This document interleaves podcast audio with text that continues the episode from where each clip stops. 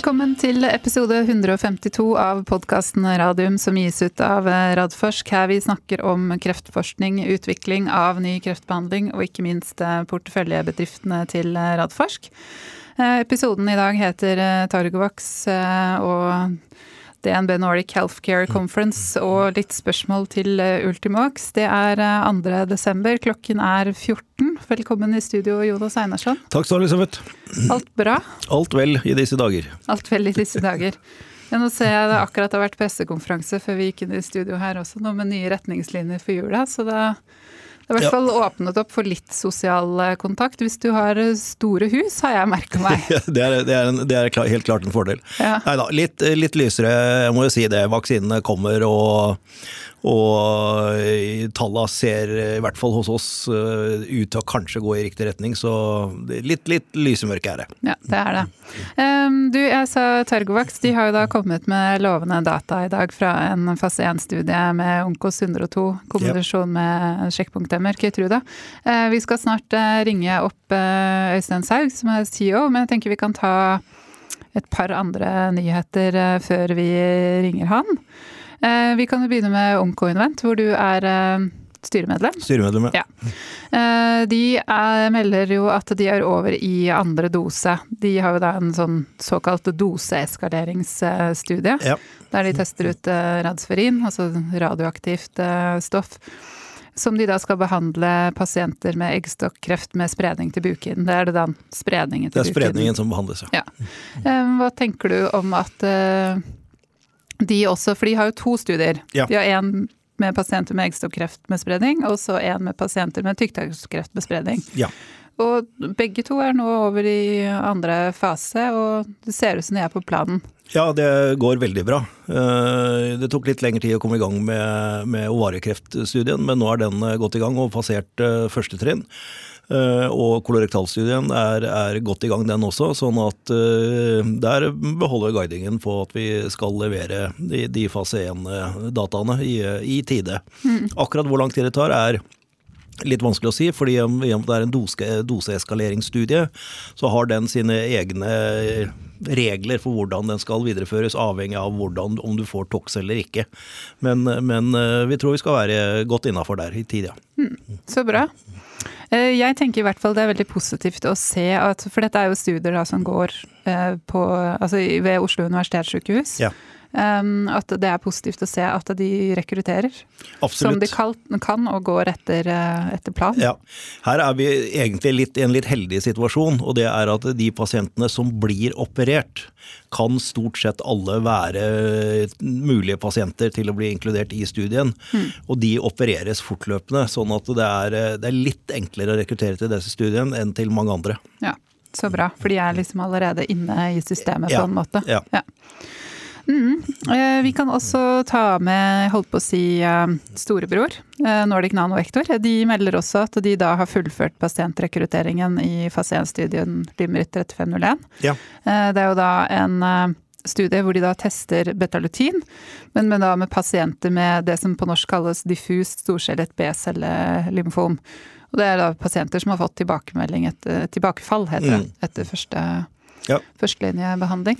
Ja, Det betyr at de, de har rekruttert det de, det de, skulle der, og det er, det er, positivt i seg selv. og La oss bare håpe at det også smitter over på paradigmestudien. Mm. 18 pasienter da som er innrullert, og de sier jo det i den pressemeldingen eller børsmeldingen at man kan forvente data i løpet av første halvår 2021. Ja. Og så, eh, sånn som jeg skjønner også den børsmeldingen da, så er det da avhengig av dataene. Altså dataene vil avgjøre hva de gjør videre. Ja, det er, det, det er, helt riktig. De, de, de, har jo sagt nå at eh, nå skal de eh, analysere disse dataene, gå nøye gjennom de, og så vil man på bakgrunn av det vurdere hvordan man går videre. Mm. For det er paradigmestudien som er fokus. i fokus, ja. rett og slett. Så det, det, blir jo spennende å se når de kommer, eh, kommer ut med de dataene, ja, det rett og slett. Mm. Eh, og så har jo du blitt intervjuet. E24 hadde en ja, det var en toppsak i helgen, var det vel? Ja, ja. Helseinvestor, der, dette bør du se etter um, nå. Der du var intervjua sammen med Benedicte Bakke Killander, som er fondsforvalter for DNB Bioteknologi, og Lars Mørland Knutsen, som er analytiker i Arctic Securities. Hva var uh, hovedbudskapet? Nei, altså jeg, jeg, fikk en telefon fra journalisten Ina der, og, og hun ville skrive en, en, litt sånn bredere sak om, om sektoren, og, og, ville intervjue flere og høre liksom hva, de, hva de så etter, og, og, hvordan de tenkte rundt, uh, rundt selve helsesektoren, og spesielt da innenfor onkologi. Så det er vel litt mer sånn våre forskjellige betraktninger eh, som nok eh, faller godt overens, tenker jeg. At det, det er eh, teknologirisiko man skal vurdere når man investerer i, i den type aksjer. Og det som vi har snakket om her tidligere, at eh, en høyere teknologirisiko veier kanskje opp for en lavere markedsrisiko hvis man først kommer på markedet. Og at det gjør at investorer nå ser at det også er en mulighet. Kanskje kontra reiseliv og, og, olje og andre ting, hvor kanskje markedsrisikoen i relativt lang tid fremover vil være større. Så, mm. Og at vi har en, en bra sektor på, her i, i, Oslo, Norge, og spesielt i Norden, som det er vel verdt å kikke på. Mm. Og så tror jeg du sa noe om i den saken um, Jo, det ene poenget var, som både du og Benedicte og, og Lars var innom, var jo nettopp det at eh, det som er spennende med disse vaksinene som kommer nå, er at de er mRNA-vaksiner. Ja, ja. Så på en måte dette blir et sånn gjennombrudd for en egentlig ny teknologi som er litt, egentlig litt forsert med disse vaksinene. Absolutt. Det er, eh, det er et gjennombrudd for den teknologien, i og med at det nå faktisk er vaksiner med mRNA-teknologi som er godkjent fra og med i dag med, med at eh, UK eh, godkjente ja, den første vaksinen. Har uh, ja. godkjent, ja. Mm. Så det er jo klart et gjennombrudd. Og jeg tror det ville tatt mye lengre tid å få den teknologien frem på markedet hvis ikke det hadde vært for, for denne pandemien. Mm. Og så tror jeg du også sier uh, i saken at man at analytikerne kanskje bør kaste de gamle Excel-arkene sine og komme opp med noen Kanskje få noen nye Excel-ark, da. Ja. du kan ikke bare kaste de og ikke sitte med noen ting, liksom? Bare magefølelse? Jeg, vet ikke hva man gjør med Excel-ark, så det er, eh, det er, andre som tar seg av. Nei, altså det er det litt sånn gamle poenget mitt, at, eh, at vi nå må se på dette med likelihood of approval. Uh, og jeg mener jo bestemt at de bør oppjustere de i disse nye type teknologier.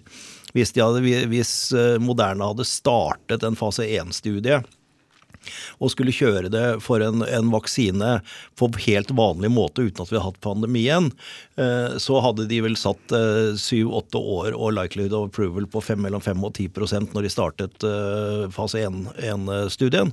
Og nå er det altså 100% etter, etter et lite år. Så ja, det, det, går ikke så fort med alle, alle nye, nye, teknologier, for all del, men, men det viser at når vi setter i gang utprøving av nye teknologier hvor vi vet så mye mer om biologien og forstår så mye mer før vi starter utprøvningen, så er likelihood of approval etter min mening mye høyere enn det man starter med, med når man ser på tidligere kjemoterapi eller annen type medisin. Mm. Og, det som ligger i bunnen der, som du sier, er at nå forstår man mer om hva som faktisk skjer i kroppen. Ja. Eller man har en teori om det, og så tester du det i praksis, og på, så kan du på en måte legge de to arkene oppå hverandre og se at det stemmer. Ja, altså I immunterapi f.eks. så er det jo immunmonitorering å se på hvilke immunsvar man får. Og så har man sagt at dersom man får de og de svarene, enten det er T-celler, det er CD4 eller CD8 eller hva det måtte være, så er sannsynligheten for at de cellene da gjør jobben sin i kroppen ganske stor. Eh, og så dukker det jo opp eh, nye ting hele tiden, sånn som det var når vi starta med, med kreftvaksiner. De kreftvaksinene gjorde det de skulle, men vi fikk ikke den effekten vi hadde forventa. Fordi vi visste ikke om checkpointer. Mm. Og så kom da eh, viten om checkpoint, og så kom checkpoint-inhibitorene, og så var det da helt naturlig å kombinere det. Og når du først har en checkpoint-inhibitor som du vet virker, men ikke virker godt nok, fordi den mangler de riktige T-cellene, og du gjør noe, enten det er med Onkos 102 eller med, med Ultimovax-vaksinen eller annet, så forventer du at det da skal få den, den effekten du er ute etter. Og da, da er spørsmålet er effekten god nok?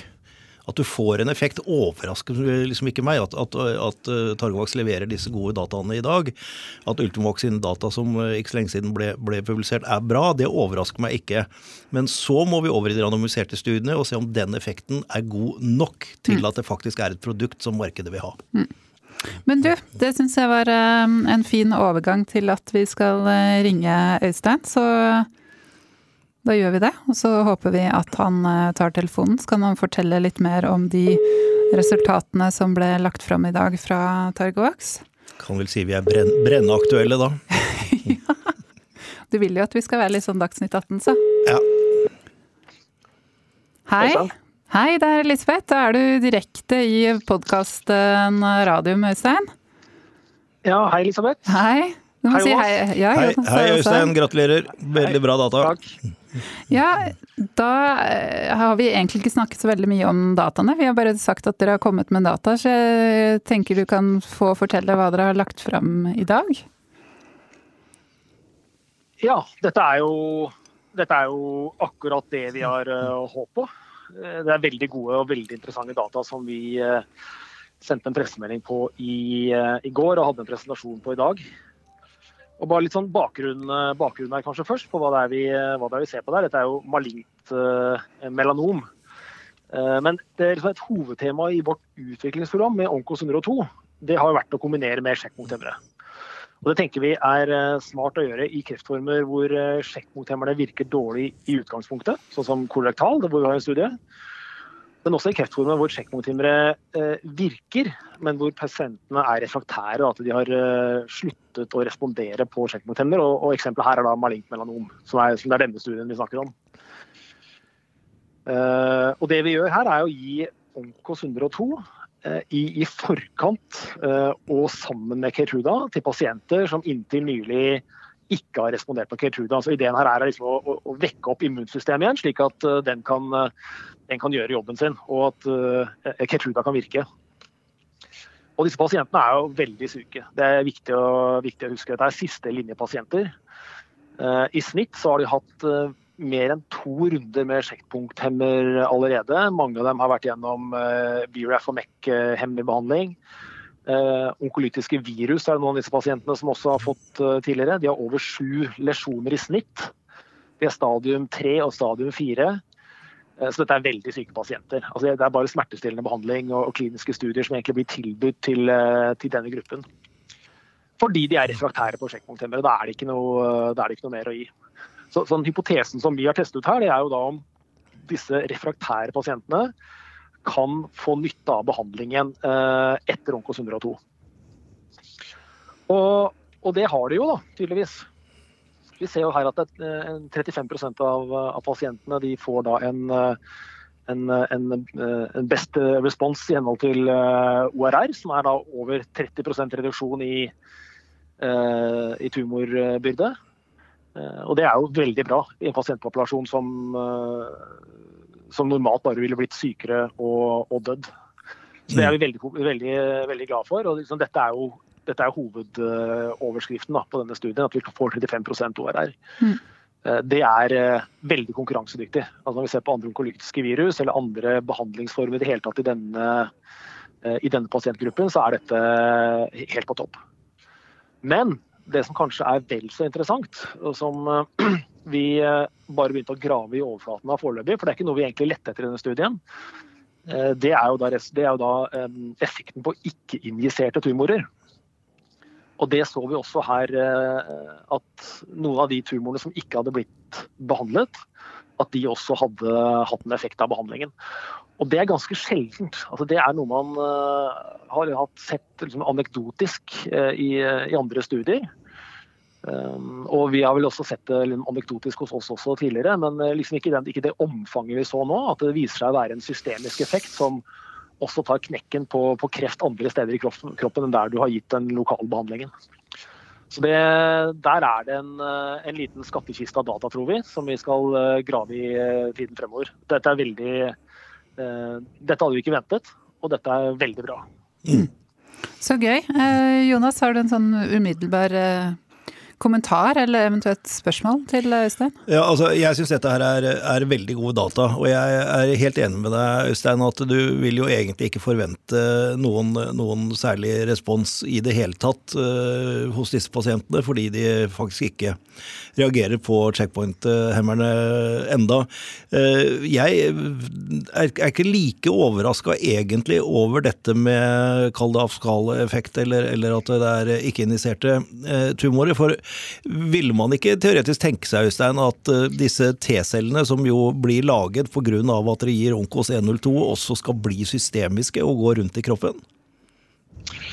Jo, og det er jo, det er jo det, som ligger til grunn for at man helt tatt uh, forsker på onkolytiske virus. Uh, hadde det vært bare en lokalbehandling, så hadde det ikke vært interessant. Nei. Uh, det er jo den systemiske effekten som man er ute etter. men man har ikke sett den ennå. Det er liksom, det man har egentlig ikke noe vokabular rundt det. det noe, man, har ikke, man har ikke lagd studier for å se etter det spesifikt, fordi de er, de er såpass sjeldne. Mm. Det vi har sett tidligere, er jo si, immunaktivering i, i distale lesjoner. Det har vi sett tidligere. Men at de faktisk har eh, minsket si, i henhold til de siste gåsehudene ned 30% eller faktisk blitt helt borte, det, det har, har, ikke vi sett før. Nei, nettopp. Men dette er jo dette er veldig bra, og grunnen til at det er bra også innen, innen vårt lille snevre onkolytiske virusfelt også, da, det er at det har vært en har nok vært en, uh, Folk har vært litt avventende til onkolytisk virus, og mange i Big Pharma har nok uh, hatt en tendens til å, til å skjele litt mot uh, systemisk injeksjon av virus. Vi ser at mange av de, de nye eh, tidlige virusene de, de injiseres uh, rett i blodet og ikke inn i tumor. Mm. men grunnen til det er jo at man ikke har sett uh, abscopal effekt. Man har ikke sett den uh, effekten på ikke-injiserte lesjoner som vi nå ser. da. Mm, mm. Så det er, jo, det er, jo, veldig spennende. Jeg tror dette kan blåse liv i, i, i hele feltet for, uh, for, IT, altså intratumorale injeksjoner med onkultiske virus. Mm. Og jeg um, spurte deg om det når vi snakka sammen for en vel tre kvarter siden, at um, at dette er jo få pasienter, eller små pasienttall, men at dere mm. likevel på en måte går altså ganske hardt ut i kommunikasjonen når man vanligvis, altså på en fase 1-studie, um, er litt mer konservativ da, i måten man snakker på. Og da hadde du en god forklaring på det? grunnen til at man er litt forsiktig når man uttaler Og det, det er jo vi, vi, skal jo ikke blåse det her ut av uh, proporsjoner heller. Det er, gode resultater, men det er 20 pasienter. Men uh, grunnen til at vi føler at vi kan uh, trekke et par streker under svaret her, selv om det er få pasienter, det er nettopp det som, som, som Jonas også var inne på. Disse pasientene her, de, de, de, har ingenting. Altså, dette er pasienter som er veldig syke. Du forventer ikke at en refraktær pasient skal respondere igjen. Da er det et eller annet som har skjedd. Så, så, det i seg selv, at det er mer enn, det er mer enn null som responderer her, er, er, er, et slags bevis på at det fungerer. Mm. Så, så, det er bra. Ja, jeg, jeg, er enig, jeg, er enig, med deg i det, Øystein, at dere kan, kan, eh, stå for det. og Det var litt sånn sammenlignbart med, med lungekreftstudien til uh, Ultimovax, hvor, hvor, det jo var mindre enn 5% overlevelse på daværende standardbehandling. Og når du da får, selv om det er små pasienttall, 30 overlevelse et, etter fem år, så, så, er det som Øystein sier, at da er det noe der. Mm. og for meg så er disse dataene her det Torgovax trengte til å snu seg rundt og si ja, nå skal vi utvikle dette videre. Vi har nok data til å se hvordan vi kan bevise at det vi ser nå er godt nok. Og Da, da er det jo en, en litt, litt, større og, og, en randomisert studie går ut fra Øystein som blir, blir, på en måte det som blir et naturlig utvikling her. Ja, og, bare, for å, bare for å avslutte svaret mitt på det forrige spørsmålet. Eh, en annen grunn til at vi kan eh, være nokså sikre på resultatene her, er jo, er jo immunaktiveringen som vi, eh, som vi, ser. Den går parallelt med det kliniske resultatet. Og vi ser jo at det vi forventer skal skje på, på, med, biomarkørene, det skjer. Og det er det som forklarer den kliniske effekten. Og det, det, det, tar bort på mange måter muligheten for at dette er et sånn statistisk glitch med små tall. Da, at du får så gode ja. resultater. Fordi vi hver enkelt pasient kan gå inn og se på biomarkørene hva som har skjedd. Mm. Jeg, jeg, er helt enig, og var imponerende den presentasjonen til Magnus i dag. Både på, på disse dataene og på meseliom-dataene. Eh, og da tenker jeg spesielt på dette med, med, med markørene. Eh, og mm. korrelasjonen til, til, hvordan det går med pasienten. Og det er som Elisabeth og jeg har diskutert i denne podkasten en god del ganger tidligere, det er at hvis vi kan forklare hvorfor denne pasienten responderte eller denne pasienten ikke responderte, så styrker jo det dataene og tallene veldig, veldig kraftig. Og hvis dere klarer å gjøre det samme og presentere tilsvarende korrelasjon i denne studien som dere gjorde i, og har gjort i meseliomstudien, så tror jeg det, sånn, om ikke du setter to streker under svaret, så er det i hvert fall en mye større sannsynlighet for at det faktisk er behandlingen som gjør det, fordi man kan korrelere det direkte til markørene. Mm. Det er eh, kanskje får, det får, Ja, nei, fortsett. Eh, nei, vi, får, vi får mer eh, biomarkørdata nå på nyåret. Så vi gleder oss veldig til å, vi, vi gleder oss veldig til å lære mer om dette her. Det er jo fantastisk spennende. Altså, mm. nå, vi som driver med her syns jo data er fantastisk spennende. Det er det. det. det. er jo der som gullet ligger. Men jeg tenker kanskje det du og Jonas er inne på her, er bakgrunnen for at du sier at dette er de viktigste kliniske dataene for Targovax noensinne? Ja, det er også at Melanom er jo en, er en sånn veldig kompetitiv eh, arena eh, for utprøving av immunterapi. Eh, det er veldig mange som har data her, så det er lett å, er lett å benchmarke. Det er lett å se det i sammenheng. Og da kommer vi ut på toppen. Så det er jo det, det er supert. Og dette, dette betyr for oss i fremtiden er jo at dataene understøtter en videre utvikling av Onkos 102 i, i melanom. Mm. Uh, og nå har vi egentlig fått eh, det svaret også i, i mesoteliom, at begge, de, våre, begge våre to hovedspor uh, så har vi nå gode nok data til å gå videre. Uh, og Der snakker vi jo med ulike partnere. Vi har jo tidligere fortalt at Merck er en samarbeidspartner for en, en, en neste mesoteliomstudie.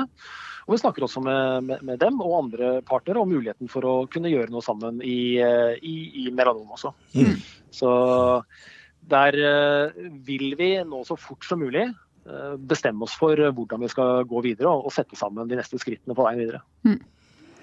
Det blir eh, spennende å følge med på.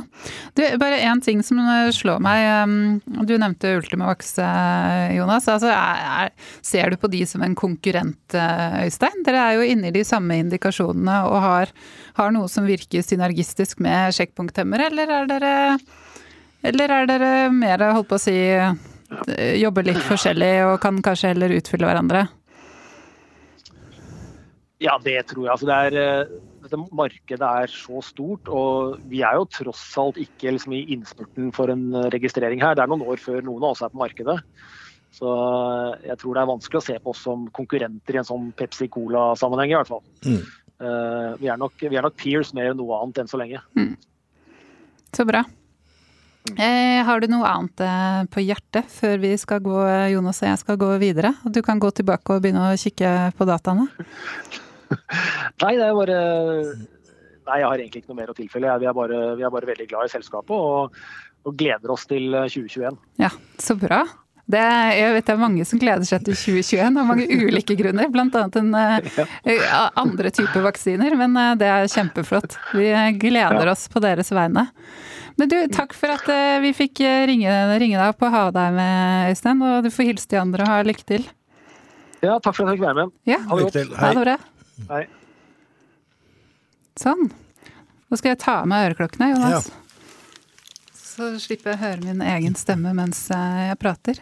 Um, den sammenligningen med, med Ultimavax, vil du utdype noe om det, eller? Jeg tror jeg ville svart det samme som, som Øystein. Og vi er jo store aksjonærer i, i begge selskapene. Fordi vi syns det er to eh, litt forskjellige, men veldig spennende teknologier. Eh, og jeg tror ikke det er sånn at det ene kommer til å, å, å utrydde det andre av, av, denne type forskjellige behandlinger. Så eh, det vil absolutt være plass til, til flere, flere, teknologier og nye teknologier som kommer også. Mm. Um, det er også hyggelig å se at de har gått, altså Targovax har gått kraftig opp på børsen i dag. Det er noen stund siden jeg sjekket, men i hvert fall pluss 27 27 eh, Ja, og jeg så også at Patrick Ling kom, eh, ja. kommenterte at det syntes han var reasonable. Ja. Reaksjon fra markedet, og det er jeg helt enig i. Ja. Det, det, dette styrker caset Targovax betraktelig. Sånn mm. at du kan si at inntil nå så har det vært litt sånn teknologi usikkerheten, altså om, om, de virkelig får de resultatene eh, i, som de hadde håpet på. og det, det, har de fått. Og så ligger jo fortsatt teknologiusikkerheten som ligger i alle selskapene som da skal inn i større randomiserte studier. Eh, mm. og Det svaret får du ikke før du er ferdig med den. Men det er et rasjonale for å gå videre. Mm. Det er liksom det som er stepping stone denne gangen. Mm. Ja, når du kan få en såpass mye høyere altså effekt i pasienter hvor du ellers da ikke ville forventet noe ja. annet enn jeg, jeg enn at veldig, hadde utviklet seg. Jeg er Veldig enig med Øystein at det, det er dessverre for pasientene, men, men uh, bedre for dataene at, uh, at disse pasientene er så syke at når de i det hele tatt klarer å få noen gode effekter av det, så, så taler det for at det ikke er tilfeldig. Og det er jo mm. det vi det jo det vi driver med hele tiden, å vise at uh, dataene våre ikke er tilfeldige, mm. men kan underbygges. Mm. Det er bra. Eh, da kan vi hoppe litt fremover framover i tid. Fordi DNB Nordic Healthcare-konferanse holdt på å si førjulstidens vakreste eventyr for oss som jobber i biotek. Absolutt. Veldig synd den er eh, digital i år, men ja. sånn er det bare. Ja, den er jo da digital i år, som du sier. Den skal gå av stabelen eh, tirsdag 15.12, men man kan jo gå, gå, inn allerede nå og, og melde seg på. Eh, jeg gjorde det i stad. Jeg ser jo at det at den kanskje er digital og virtuell, gjør jo at enda flere selskaper har meldt sin interesse for ja. å være med. Jeg tror de snakker rekordmange selskaper i år som i hvert fall skal presentere seg i den delen som man kaller DNB Market Session. Mm. Som vi kanskje er mest interessert i. Ja. ja. Uh, Deriblant, jeg tror uh, Husker jeg ikke helt hva jeg telte opp, men jeg tror jeg telte opp mer enn 21 selskaper ja. som skal presentere. Så der må man også velge hardt, fordi det, det er, de er satt opp to og to ved siden av hverandre. Så der må man eller, bare, bare, velge de som er en del av Ralfors-porteføljen. Ja, det var de jeg skulle nevne nå, da. det er um, syv, syv, av våre selskaper som skal presentere. Det er det jo da Nordic Nanovektor, PCI Biotech, Photocure, Targovax, Vaxibody, Ultimax og Celluna Immunotherapy. Og det tror jeg kanskje er første gangen Celluna er og presenterer. Ja, det tror jeg også, fordi de har jo jobbet som man gjør i sånne plattformselskaper i tidlig fase, med å se hva er det vi skal gå for. Eh, og nå har de jo bestemt seg, mm. og det er det de skal presentere nå. Mm. Kjempespennende. Det anbefaler jeg folk å høre på. Ja, det er i hvert fall en presentasjon eh, jeg skal eh, få med meg. Um, i tillegg til det så har jo da DNB klart å hanke inn både Moderna og Biontech. Ja. Og noe som heter uh, CureVac, som skal presentere en egen sånn covid-19-vaksineseksjon. Det også blir jo veldig spennende. Ja, det blir veldig spennende. Ja. Disse CureVac, kjenner du til de? Eh, ikke sånn top of my head, jeg har hørt Nei. navnet før. Jeg vet at de, de har jobbet med vaksineteknologi. Ja. Eh, men eh, jeg kan ikke gå dypere inn på det, for det, det jeg, da må jeg lese meg litt opp igjen. Ja. Det er jo ganske godt mulig at du må uansett, fordi du er invitert med inn i en sånn oppsummeringspodkast hos DNB, som har på sin podkast som heter Utbytte. Sammen med Benedicte Bakke Kilander, som er da fondsforvalter for DNB bioteknologi. Så der får man jo bare, hvis man ikke følger utbytte fra før av, så får man begynne å følge de, eller så skal vi klare å dele den på våre sosiale medier. ja, men Det blir spennende, det. det er, eh, jeg ser fram til den dagen. Skal få med meg det mest, mest mulig. Mm. Det er bra, og det er jo noe spennende, da. Nå som både Moderna og Biontech eh, Pfizer har levert søknader om godkjennelser til EMEA. Ja. Og de i tillegg følger Jeg tror de Enten så vurderer de også fra Jansen AstraZeneca, de har vel ikke feila enda de, men men de har sånn løpende vurdering av det? Ja. ja. Det ligger vel kanskje litt etter i tid, eh, siden de fikk en liten hiccup eh, underveis der. Med, ja, de har vel hatt eller hiccup og hiccup, det er, ja, men, nei, men det er vel eh, Hvis jeg husker riktig nå, så er det de som så bedre resultater av der hvor det var gitt en halv dose først og en dose etter. Var ikke det for Ja, det, er mulig er litt, litt uh... Det jeg husker i hvert fall, i forhold til i hvert fall Jansen sin, og jeg mener kanskje AstraZeneca sin, er at de har hatt stopp Ja, det er... Et par ganger, men fordi de har på en måte Det er noe som har vært unaturlig, men det trenger ikke å bety noe annet enn at det har vært et dødsfall, og det kan ha vært et dødsfall som ikke har vært relatert til vaksinen. Ja, det er helt riktig. Det er, ja. hvis, det, hvis, det, skjer en sånn det de kaller for uh, serious adverse events, ja. så må de stoppe til de har avklart om det har noe med vaksinen å gjøre eller ikke, og det mm. har de da avklart i disse tilfellene, og studien har gått videre etterpå. Ja. Så det kan jo kanskje være derfor. Men i hvert fall, um, Storbritannia de skal da starte vaksineringen eh, neste uke. Ja. Eh, de har da godkjent Pfizer-Biontech-vaksinen. Mm. Ja. Regulatorisk, hvordan kan de gjøre det? Er det sånn vi i Norge også kunne gjort? Eh, jeg er litt usikker, jeg stussa litt på det. fordi her i Norge Jeg vet jeg stiller deg sånne spørsmål som ikke vi har snakket om. Så hvis det er noen som lurer på hvorfor ikke Jonas kan svare, så er det fordi jeg er litt slem nå og bare altså, fyrer løs med spørsmål. I Norge så sitter vi helt stille til EMEA har levert sin ja. avgjørelse. det er de europeiske legemiddelmyndighetene som godkjenner ja. legemidler. Nå er det noe som heter brexit. Og jeg har en mistanke om at det har noe med det å gjøre. Ja, okay. At UK derfor gjør sin egen evaluering og ikke venter på EMEA. Men, ja. men det, det, vet jeg ikke, men det kan jeg tenke meg kan ha en sammenheng. Ja. Da får noen kommentere hvis de har en, eh, har en annen forklaring. Yep. Rett og slett. Um, siste jeg skulle, tenkte jeg skulle nevne før eh, vi skal videre på spørsmål fra dere lyttere, det er jo da Cancer Crosslinks, som er kanskje nyårets, januar, sitt eh, vakreste kreftforskningskonferanse.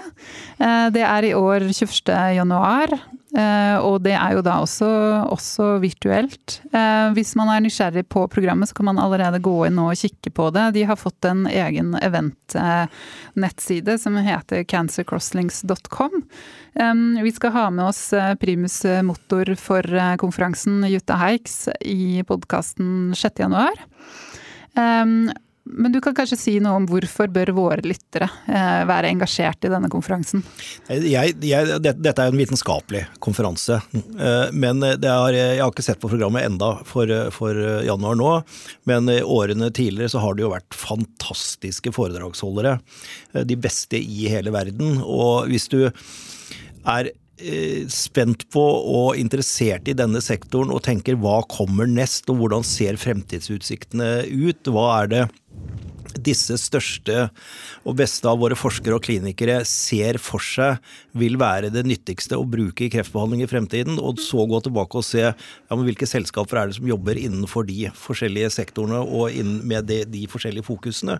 Så kan man bruke dette litt og forstå litt, og prøve å løfte blikket og se ja, kanskje dette selskapet er i en tidlig fase, men her sier verdens eh, topp ledere innen, innen dette feltet at dette er noe vi tror kan komme så kan kanskje det være med i avveiningen om det er et riktig selskap å investere i eller ikke.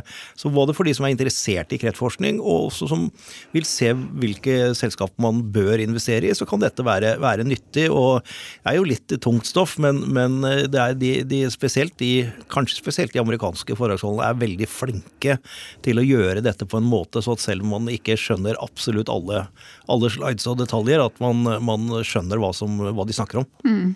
Uh, ja, og det som også slår meg, fordi dette er vel tolvte året man skal arrangere Cancer Crossings, det er at du får en viss um, pekepinn hvor man beveger seg. Både ja. i forhold til hva som er interessant innenfor forskningsfronten, og ofte er jo det da det som vil på en måte bli interessant klinisk.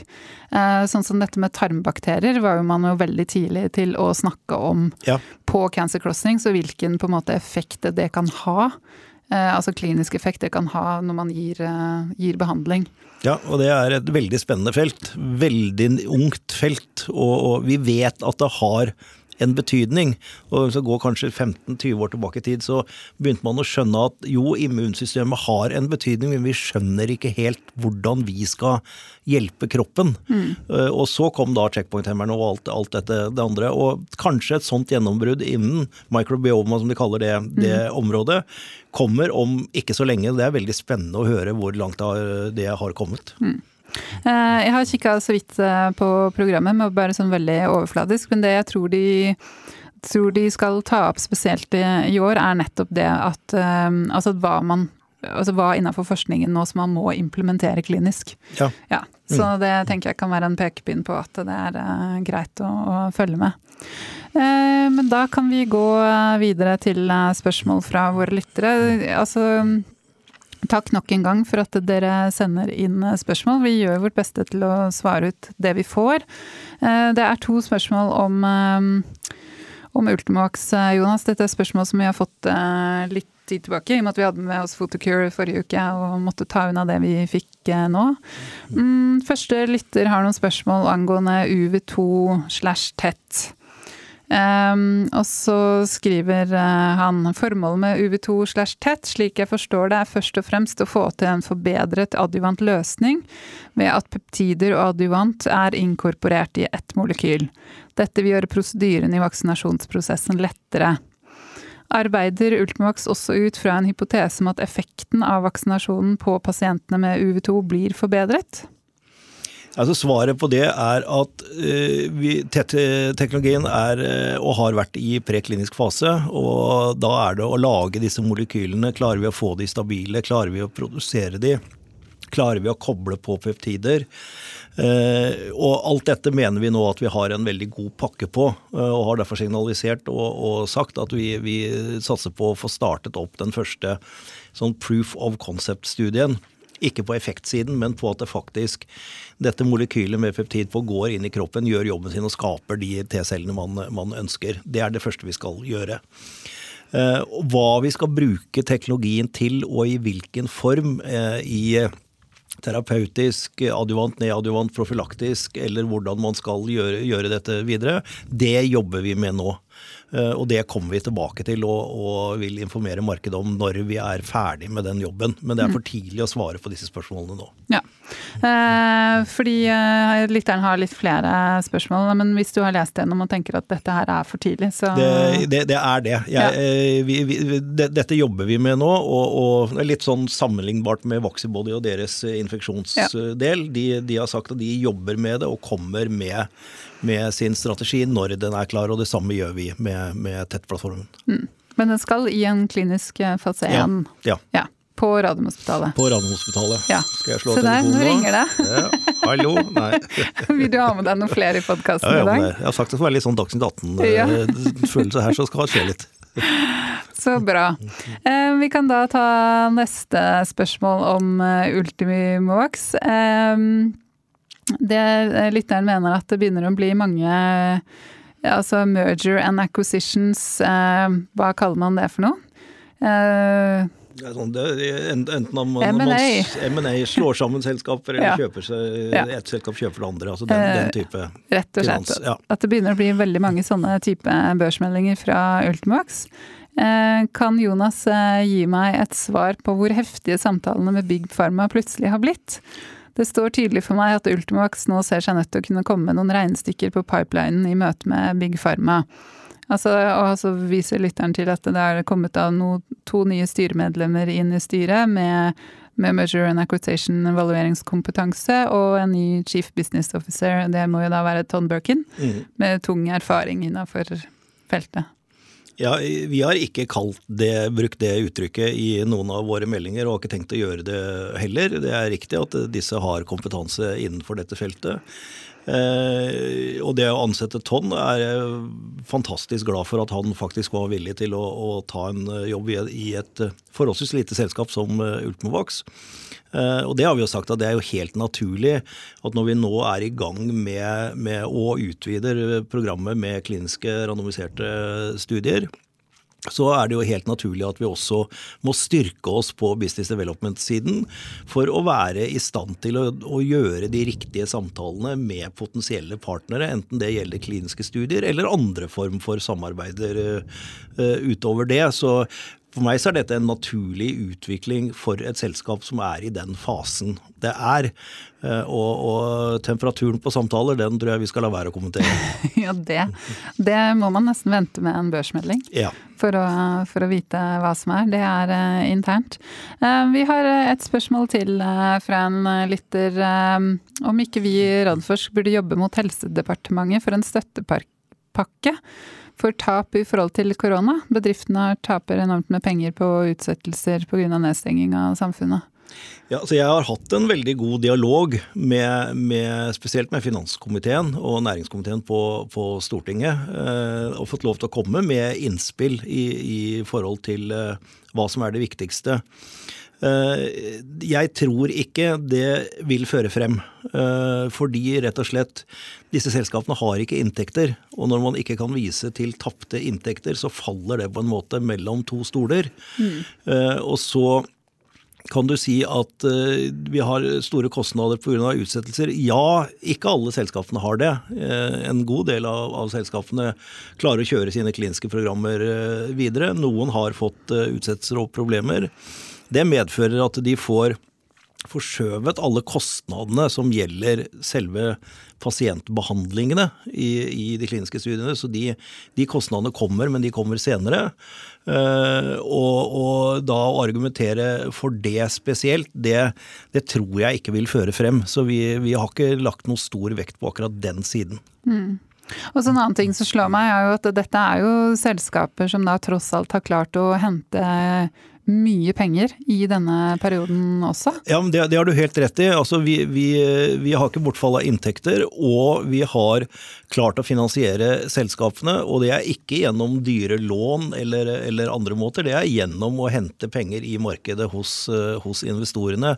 Så det tror jeg neppe vil få noe særlig gjenklang. Og det å begynne å, å rope for sin syke mor på det området, når vi vet hvor mye andre sliter, mm. så syns jeg det ikke vil være riktig riktig. Nei. Den er god. Det var eh, spørsmålene. Eh, neste uke så skal vi ha med oss eh, Veronica Barabet, som er administrerende direktør i Novartis og styreleder i LMI. Og vi skal ha med oss Kristine Wergeland Søby, som er administrerende direktør i Oslo Science City. For da skal vi snakke om Oslo Science City, hvor du mm nok et sted hvor du har en finger med i spillet? Ja da, jeg sitter i styret i Oslo Science City nå, og ja. det er klart at vår, vår campus, Campus Ramsdale, Oslo Kanskløster innovasjonspark, har jo masse og store planer nå om, om utvidelser eh, i årene fremover. Eh, og vil være forhåpentligvis en viktig del av Oslo Science City, men, men bare én liten del. Og det er jo så mye annet eh, veldig spennende som skjer i eh, Oslo nå. og Eh, for en gangs skyld så tror jeg virkelig på en sånn prosess som Oslo Science City. Det har satt seg litt hårete målsetninger, men har fått veldig dyktige mennesker til å, å lede det. Mm. Og jeg syns det skal bli veldig morsomt å være en del av det og være, være med og se hvordan det utvikler seg. Mm. Vi skal ikke røpe for mye før vi liksom får eh, personene i studio som skal snakke om dette her, men det er jo da planer om å bygge noe som man kaller Norges største innovasjonsdistrikt. Ja. Hvor man da bruker altså den kompetansen man har på Universitetet i Oslo, Oslo universitetssykehus, også på forskningsinstituttene sånn som eh, Sintef. Det er sikkert eh, flere. Ja, Geologisk institutt. Ja. Eh, det, er, det, er, mange aktører. Mm. Og, og tanken sånn, i utgangspunktet er at dette skal liksom ligge i en akse. Fra Marienlyst opp til, til Gaustad, pluss da den noden som vi, vi har her. Eh, og det er et godt poeng med det, med, med, det geografiske og med å se på og samle alt dette til å bli en sånn innovasjonsmotor. Så eh, Kristine uh, Wergeland Sørby, som skal komme og, og gjeste oss, hun er fra Bergen, og det kommer du til å høre. ja, det gjør man. Men hele poenget her er jo at man skal ha uh, byutvikling. Ja. Eh, sammen med eh, innovasjon, sammen med forretningsutvikling. Ja. ja. Og noe av clouet her er jo nettopp å tiltrekke seg næringsliv, og det er jo noe man på en måte, noe som man har gjort her i Oslo Kanskløst innovasjonspark med eh, stor suksess, må ja. man kunne si. Ja. Det, det, er det å, å, å, koble det sammen og lage et mye større økosystem, som vi er en lite, eksempel på, men mm. et mye større økosystem i Oslo rundt det. Mm. Eh, og i tillegg da så vi er jo så vidt inne i desember, nærmer seg jul, nærmer seg nytt, eh, nytt år og nye muligheter. Eh, men det er jo et par ting vi sitter og venter på. Det ene er jo da mysteriestudien til Ultimovax. Ja. Ja, som er venta nå i Q4. Det andre er Vaxibody sin strategi innenfor infeksjonsmedisin, som han også har sagt skal komme. Og så I tillegg så venter vi jo på eh, Helse- og omsorgsdepartementet sin handlingsplan for kliniske studier. Ja, det har falt helt bort i mitt ja. hode i dette. Ja, Det er jo spennende å se. Det hadde også falt litt bort fra meg, ja. og det kom jeg på når jeg satt her og lagde en liste på hva vi venter på. Ja. ja. Sånn, og vi strekker oss jo langt for å prøve å få med oss uh, den informasjonen som kommer. Ja. Det skal vi eh, gjøre, så det blir spennende. Um, ja, da har vi prøvd å leke Dagsnytt 18. Jeg vet ikke, Skal du evaluere på lufta, eller skal vi ta det ja, Vi får høre hva, hva, hva reaksjonene blir fra, fra, lytterne, men vi skal prøve å bli litt mer sånn uh, dynamiske i, i, i, sendingene. Jeg syns ja. det er morsomt, det. Ja. Kanskje ikke da liksom alltid vie én podkast i et selskap, men heller da kunne ta inn noen gjester på, ja. på telefon og studio. Det da kan gjør, vi være enda, enda mer dagsaktuelle. Ja, det liker vi. Yes, takk for i dag. Takk, takk.